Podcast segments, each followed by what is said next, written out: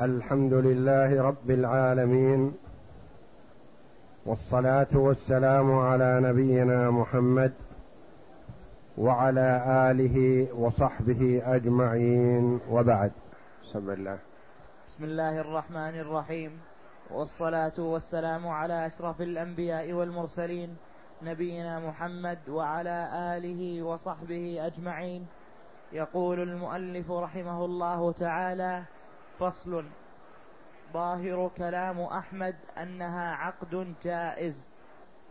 نعم. لما روي عن ابن عمر أن اليهود سألوا رسول الله صلى الله عليه وسلم أن يقرهم بخيبر على أن يعملوها. ويكون لرسول الله صلى الله عليه وسلم شطر ما يخرج منها من ثمر أو زرع. فقال رسول الله صلى الله عليه وسلم نقركم على ذلك ما شئنا رواه مسلم. هذا الفصل أورده المؤلف رحمه الله تعالى في بيان عقد المساقات. هل هو عقد جائز أم عقد لازم؟ فمن العقود ما هو عقد جائز؟ يعني يجوز لأي واحد من المتعاقدين فسخ هذا العقد. كالوكالة مثلا أنت وكلت زيدا في كذا لك أن تفسخ الوكالة متى شئت. ولزيد نفسها الوكيل أن يفسخ الوكالة متى شاء. لأن الوكالة عقد جائز. يعني ما يلزم متى أبرمت الوكالة بخلاف البيع والإجارة والوقف. هذه تسمى عقود لازمة. إذا بعت لك الخيار ما دمت في المجلس. فإذا تفرقتما لزم البيع. إلا بإقالة من أحدهما للآخر. كذلك الإجارة مثل البيع لأنها بيع للمنفعة. كذلك الوقف. إذا وقف الإنسان شيئا ما ما يسوغ له بعد هذا أن يقول عدلت. يوقف الأرض مسجد مثلا. ثم بعد سنة أو سنتين يغلق الأبواب ويقول من يشتري. أقول الوقف عقد لازم. وقفت خلاص. ما تملك الرجوع. هذا الفرق بين العقد اللازم والعقد الجائز. المضاربة كما تقدم لنا قريبا عقد جائز. أعطيت زيدا ألف ريال يتاجر به. بعد يوم أو يومين أو أسبوع أو شهر أو سنة قلت له أعطني حقي يا أخي. وكم المكسب؟ حتى نقتسمه على ما اتفقنا عليه.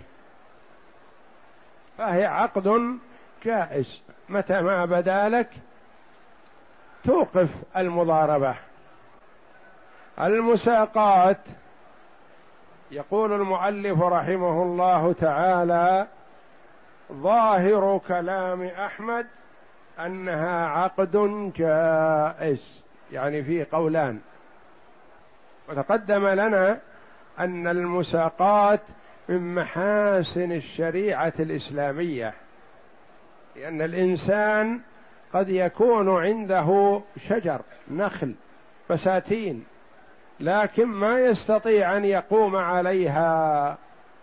آخر عنده قدرة القيام والزراعة والسقي والمتابعة لكن ما عنده مال. فيتفق الاثنان على أن يقوم هذا بسقي هذه النخيل أو الأشجار وملاحظتها والقيام عليها وله من الناتج كذا. له الشطر الذي هو النصف له الربع له الثلث حسب المؤونة التي تبذل في متابعة هذا النوع. يقول المؤلف رحمه الله تعالى ظاهر كلام أحمد رحمه الله أنها عقد جائز. الإمام أحمد رحمه الله مشهور أنه وقاف عند النصوص. ما يجتهد وهو يجد نص صريح صحيح ابدا. يقف عند النص رحمه الله. ولهذا هو أكثر الأئمة رحمة الله على الجميع أدلة في الفقه لأنه يعتني بالأدلة حتى إن بعض العلماء أو كثير من العلماء يسجله من ضمن المحدثين. لا من الفقهاء يقول هو إلى الحديث أقرب. والمسند كتابه رحمه الله كتاب عظيم. لما روي عن ابن عمر رضي الله عنهما إذا قيل ابن عمر فمعناه أنه عبد الله بن عمر. وإذا قيل ابن عباس فهو عبد الله بن عباس مع أن عمر والعباس لهم أولاد غير هؤلاء. لكن إذا قيل ابن عمر فهو لا ينصرف إلا لعبد الله رضي الله عنه. إذا قيل ابن عباس لا ينصرف إلا لعبد الله بن عباس رضي الله عنهما. عن ابن عمر رضي الله عنهما يقال رضي الله عنهما لأنه هو وأبوه صحابيان. فإذا كان هو صحابي فقط يقال رضي الله عنه. وإذا كان هو وأبوه وجده يقال رضي الله عنهم. أن اليهود سألوا رسول الله صلى الله عليه وسلم. لما غزا النبي صلى الله عليه وسلم خيبر ودعاهم إلى الإسلام بعد صلح الحديبية ودعاهم إلى الإسلام وأبوا حاصرهم عليه الصلاة والسلام. فنزلوا على حكم رسول الله صلى الله عليه وسلم وسلموا. ففتحت خيبر وسقطت بأيدي النبي صلى الله عليه وسلم والمسلمين فكانت ملكا لهم. فطلب اليهود من النبي صلى الله عليه وسلم بدل أن يجليهم يطردهم من خيبر أن يبقوا في خيبر والأشجار والملك للمسلمين ولهم مقابل عملهم. فالنبي صلى الله عليه وسلم استحسن هذا. لأن المسلمين مشغولون بالجهاد في سبيل الله والدعوة إلى الله. فأبقى النبي صلى الله عليه وسلم اليهود في خيبر يزرعوا ولهم الشطر وللنبي صلى الله عليه وسلم والمسلمين الشطر من الثمرة والملك للمسلمين. أن اليهود سألوا رسول الله صلى الله عليه وسلم أن يقرهم بخيبر يعني يبقيهم على أن يعملوها؟ ويكون لرسول الله صلى الله عليه وسلم شطر ما يخرج منها من ثمر أو زرع. يقولون نبقى فيها نستثمرها ونعطيكم النصف ولنا النصف. فقال رسول الله صلى الله عليه وسلم نقركم على ذلك ما شئنا. هذا مكان الاستدلال. نقركم على ذلك ما شئنا. يعني تبقون ما دمنا نرغب في بقائكم. فإذا أردنا إجلاءكم واستلام النخيل والأشجار استلمناها. فالنبي صلى الله عليه وسلم ما اتفق معهم على مدة. ما قال نعم نتفق معكم على سنة على سنتين على خمس سنوات لا. قال نقركم على ذلك ما شئنا. رواه مسلم. والدل هذا من الأدلة على أن العقد عقد المساقات عقد جائز وليس بلازم يعني متى ما بدا لنا أن نجليكم أجليناكم. نعم. فلو كانت لازمة لقدر مدتها ولم يجعل إخراجهم إليه إذا شاء ولأنه عقد على مال بجزء من نمائه فكان جائزا كالمضاربة. ولذلك لا تفتقر إلى ضرب مدة. يقول المؤلف رحمه الله تعالى فلو كانت لازمة لقدر لها مدة مثل الإجارة. الإجارة عقد لازم مثلا. ما يقال يقول المالك مثلا ما متى ما بدا لي أخرجتك؟ أو يقول المستأجر مثلا أنا أستأجر هذه هذا البيت لكن متى ما بدا لي خرجت؟ ما يصير. اتفقا على سنة سنتين أو سنة تجدد سنويا ونحو ذلك. هذا العقد اللازم. تقدر فيه مدة. فالإجارة عقد لازم. تقدر فيه مدة. ما يملك المالك إخراج المستأجر قبل تمام المدة. ولا يملك المستأجر تسليم العقار قبل تمام المدة. تلزمه الأجرة. لو استأجره لمدة سنة مثلا. ثم بعد ثمانية أشهر حصل على بيت أحسن منه وأرخص منه. يقول تعال يا أخي خذ بيتك استلمه استلم مفاتيحه وأنا بخرج. يقول لا أكمل السنة التي اتفقتم عليها. الإجارة عقد لازم. اتفقتم على سنة أكمل. كذلك إذا استأجره لمدة سنة ما يسوغ للمالك بعد خمسة أشهر أو أربعة أشهر يقول يا أخي أخل البيت لأني سأسكنه أو أسكن فيه ولدي أو أخي. لا ما دام اتفقت وإياه على سنة فهو ما يستطيع ولا يملك أن يخرجك قبل سنة. بخلاف المضاربة التي عقد لا جائز متى ما بدا له يقول يا أخي أنا محتاج الدراهم التي عندك أعطني إياها. أوقف المضاربة. عقد جائز. يقول هنا فلو كانت لازمة لقدر مدتها يعني قال سنة سنتين أقل أو أكثر ولم يجعل إخراجهم إليه إذا شاء. النبي صلى الله عليه وسلم هو الذي قرر أنها عقد جائز لأنه لو كان لازم لاتفق معهم على مدة. فهو لم يتفق معهم على مدة وقال نخرجكم متى شئنا. ولأنه عقد على مال بجزء من نمائه فكان جائزا كالمضاربة. هذا عقد المزارعة. عقد على مال المزرعة بجزء من النماء يعني الحاصل الثمرة.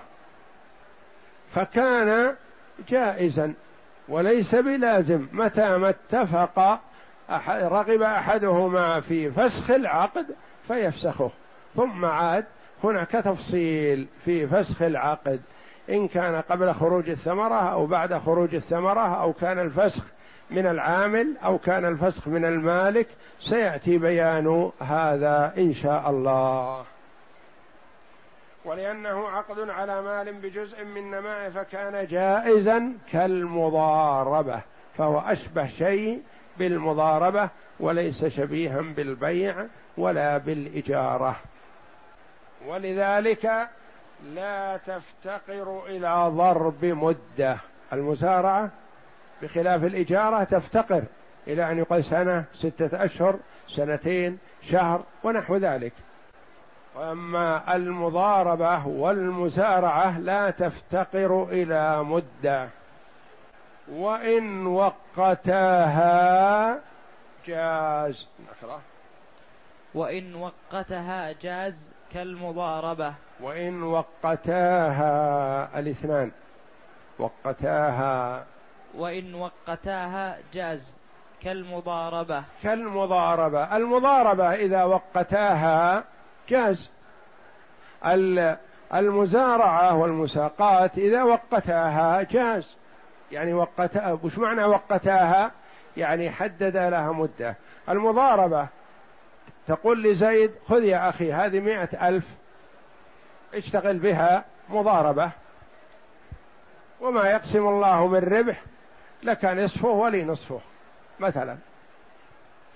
يقول نعم يا أخي أنا موافق على هذا لكن أخشى أنك بعد شهر أو شهرين بعدما أعمل وأشتغل تقول هات الدراهم أنا محتاج إليها. وإذا إبي قد نثرتها في السوق وعملتها في مشاريع تحتاج إلى مدة. أتفق معك على أن مئة الألف هذه تكون عندي لمدة خمس سنوات. فوقتاها بخمس سنوات يصح. وقتها بسنة. يقول على شرط أنك ما تطلب دراهمك هذه إلا بعد ستة أشهر. ما يمكن إذا مضى شهر أو عشرين عشرون يوما قلت لي هات الدراهم. لا نوقتها بحد علشان أستطيع أمتد. ما رأيك؟ ترغب تكون سنة ترغب سنتين ترغب ثلاث سنوات تمهلني فيها ست سنوات خمس سنوات أضع فيها مشاريع نافعة لي ولك مثلا. وهكذا إن وقتاها جاز. كذلك المزارعة. يقول يا أخي أنا أريد أعمل وأشتغل. وكون مثلا ستة أشهر أو ثمانية أشهر ما تفي بالغرض. أنا أريد أتفق معك على أنك تسلمني هذه المزرعة لمدة خمس سنوات. قبل الخمس سنوات ما تأخذها مني حتى أشتغل وأنتج. جاز. يجوز هذا لأن هذا لمصلحة لمصلحة الطرفين. أو مثلا رب المال يشترط على العامل أن يبقى فيها كذا.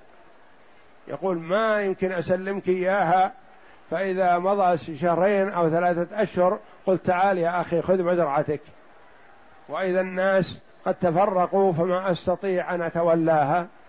أنا أشترط عليك إذا استلمت مزرعتي الآن تقوم عليها لمدة سنة كاملة أو لمدة سنتين ونحو ذلك. إذا فرضي بذلك فإذا وقتاها جاز. كالمضاربة. نعم. وتنفسخ بموت كل واحد منهما وجنونه وفسخه لها. وتنفسخ المضاربة إذا قلنا أنها عقد جائز وقلنا أنهم لم يوقتوها أما إذا وقتوها فيلزم التوقيت. تنفسخ بماذا؟ بموت أحدهما. إذا مات العامل تنفسخ. لأنه هو الذي يتولاها. وقد لا يرضى المالك أن يتولاها أولاده من بعده. يقول أنا اتفقت مع هذا نفسه على أنه يعمل في مزرعتي وأعرف أنه ينتج. فمات. ما أرضى أن يتولاها أولادي. يقول الأولاد نحن مكان أبينا وسنتولى مزرعتي. يقول لا أنا أتولى مزرعتي. إذا لم أجد سواكم فأنا أتولاها. كذلك المزرعة مات المالك والعامل يشتغل فيها ليل نهار. مات المالك. الأولاد يقولون أبونا سلمك المزرعة لأنه مشغول. نحن ما لنا شغل إلا هي. سلمنا مزرعتنا. نحن ما اتفقنا معك على شيء. اتفق معك أبونا ومات. فالمزرعة آلت من أبينا إلينا فنحن أولى بها. فإذا مات أحدهما انفسخ العقد. ثم إن أرادوا إبرام عقد جديد فلا مانع. المالك مثلا يقول لأولاد العامل هل ترغبون أن تبقوا كما كان أبيكم؟ يقولون لا أو لا. نعم أو لا. أو الثاني مثلا العامل موجود والمالك مات يأتي العامل لأولاد المالك فيقول أنتم محل أبيكم ألا ترون أن أستمر فيها؟ فيقول نعم استمر على ما كنت عليه مع أبينا. إذا اتفقوا من اتفاق جديد فلا بأس. أو زادوا في المقدار أو نقصوا أو نحو ذلك. بموت كل واحد منهما أو جنونه لأن الجنون يخرج المرء عن التصرف يكون ما له تصرف. فتصرفاته السابقة كلها تكون موقوفة. في العقود الجائزة تصرفاته موقوفة لأنه يحتاج أن يقام عليه ولي. فهو حينئذ غير مكلف. وعقوده كلها المؤقتة والأمور الجائزة تنفسخ. بخلاف العقود اللازمة فهي ما تنفسخ إلا بتمام المدة. وفسخه لها يعني ثلاثة أمور تنفسخ فيها المساقات. ما هي؟ موت أحدهما. الثاني جنون أحدهما. الثالث فسخ أحدهما لها. إذا فسخها انفسخت. فإن انفسخت بعد ظهور الثمرة فهي بينهما لأنها حدثت على ملكهما وعلى العامل تمام العمل كعامل المضاربة إذا انفسخت قبل أن ينضي المال. فإذا انفسخت لسبب من الأسباب لهذه الأسباب الواحد منها فسخها أحدهما أو مات أحدهما أو جن أحدهما. إذا انفسخت المساقات فلا يخلو. إن كان هذا الانفساخ بعد ظهور الثمرة أو هذا الفسخ بعد قبل حصول الثمرة. فإذا كان فسخ المساقات هذه بعد وجود الثمرة فالثمرة ملكهما إذن. ليست لأحدهما دون الآخر.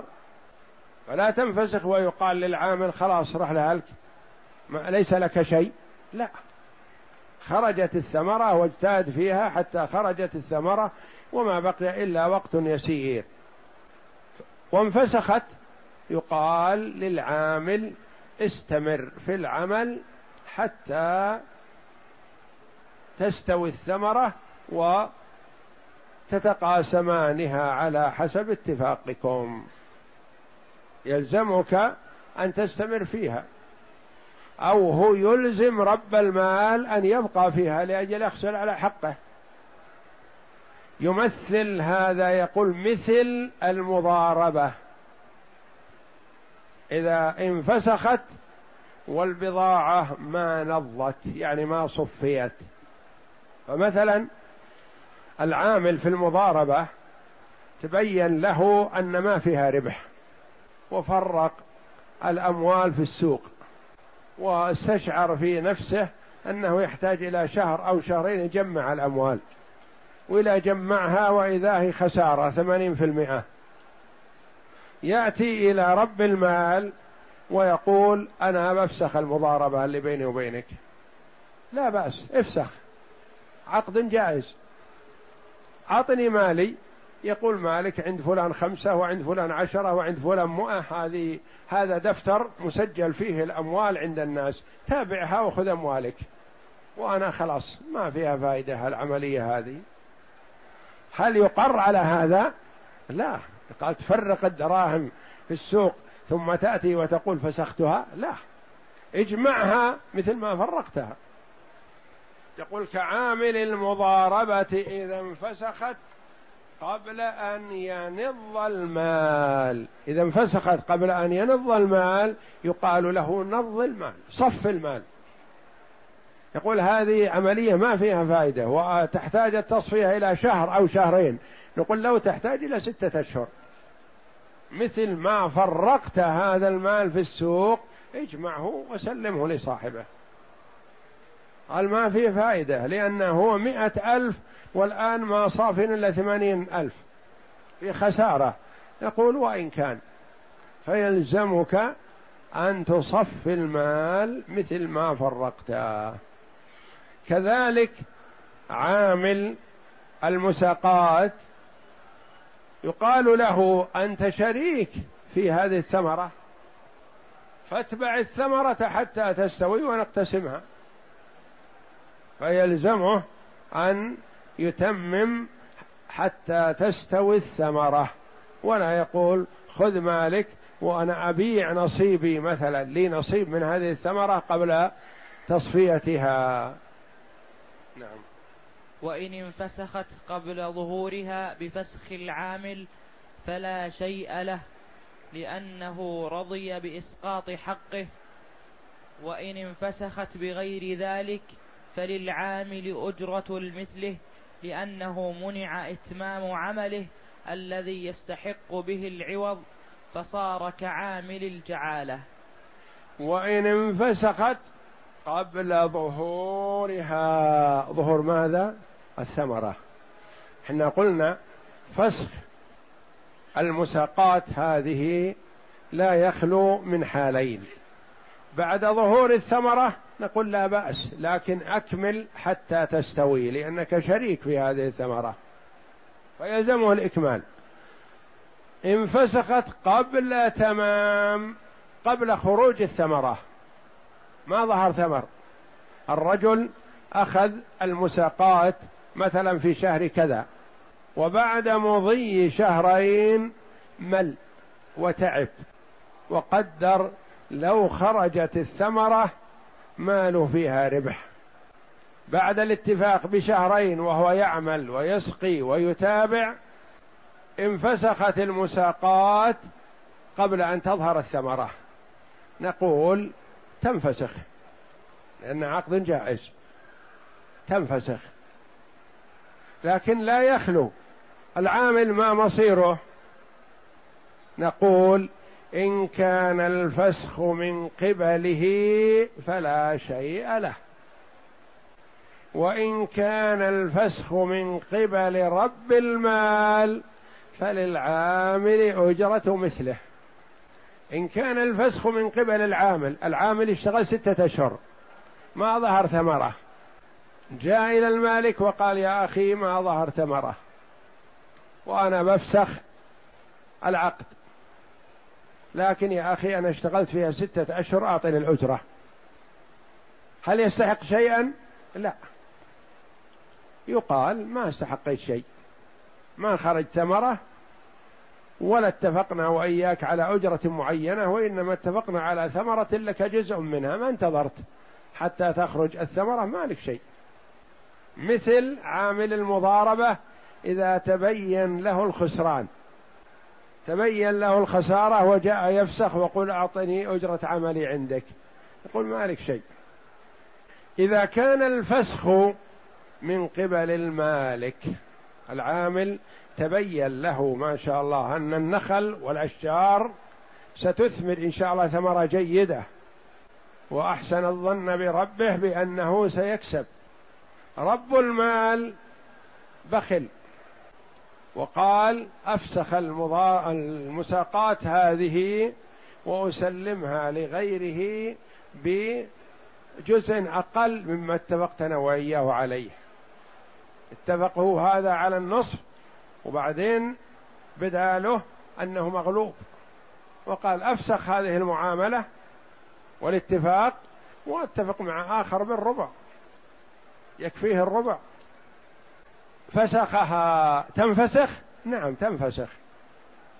العامل يقول أنا اشتغلت واجتهدت وأسقيت وهذبت الأشجار. نقول لك أجرة مثلك. ما يضيع لك شيء. لك أجرة مثلك. ما خرج ثمرة. نقول لك أجرة مثلك في خمسة الأشهر هذه. كم تعطيه أجرة؟ يقول أعطيه ثلاثة آلاف بالشهر. يقول لا هو أنا أريد بالشهر سبعة آلاف. نرجع إلى أهل الخبرة وأهل الصنف. نقول مثل هذا العامل أو المهندس أو الزراعي كم عادة يكون راتبه؟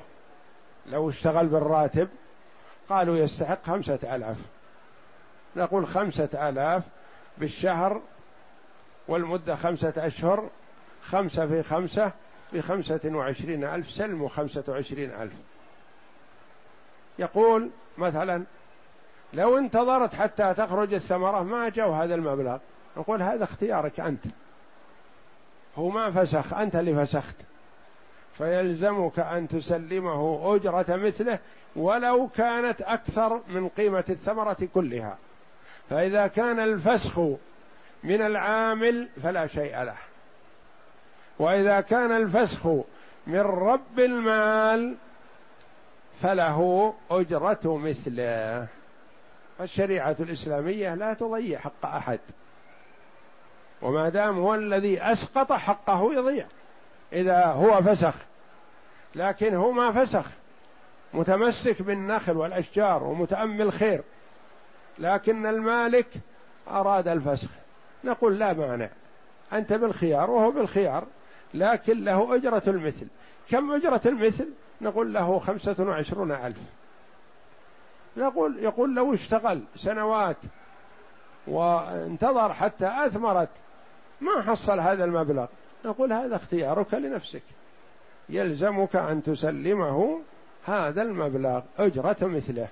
وهذا معنى قول المؤلف رحمه الله وإن انفسخت قبل ظهورها بفسخ العامل فلا شيء له لأنه اللي أسقط حقه. لأنه رضي بإسقاط حقه. وإن فسخت بغير ذلك يعني ما هو باختياره.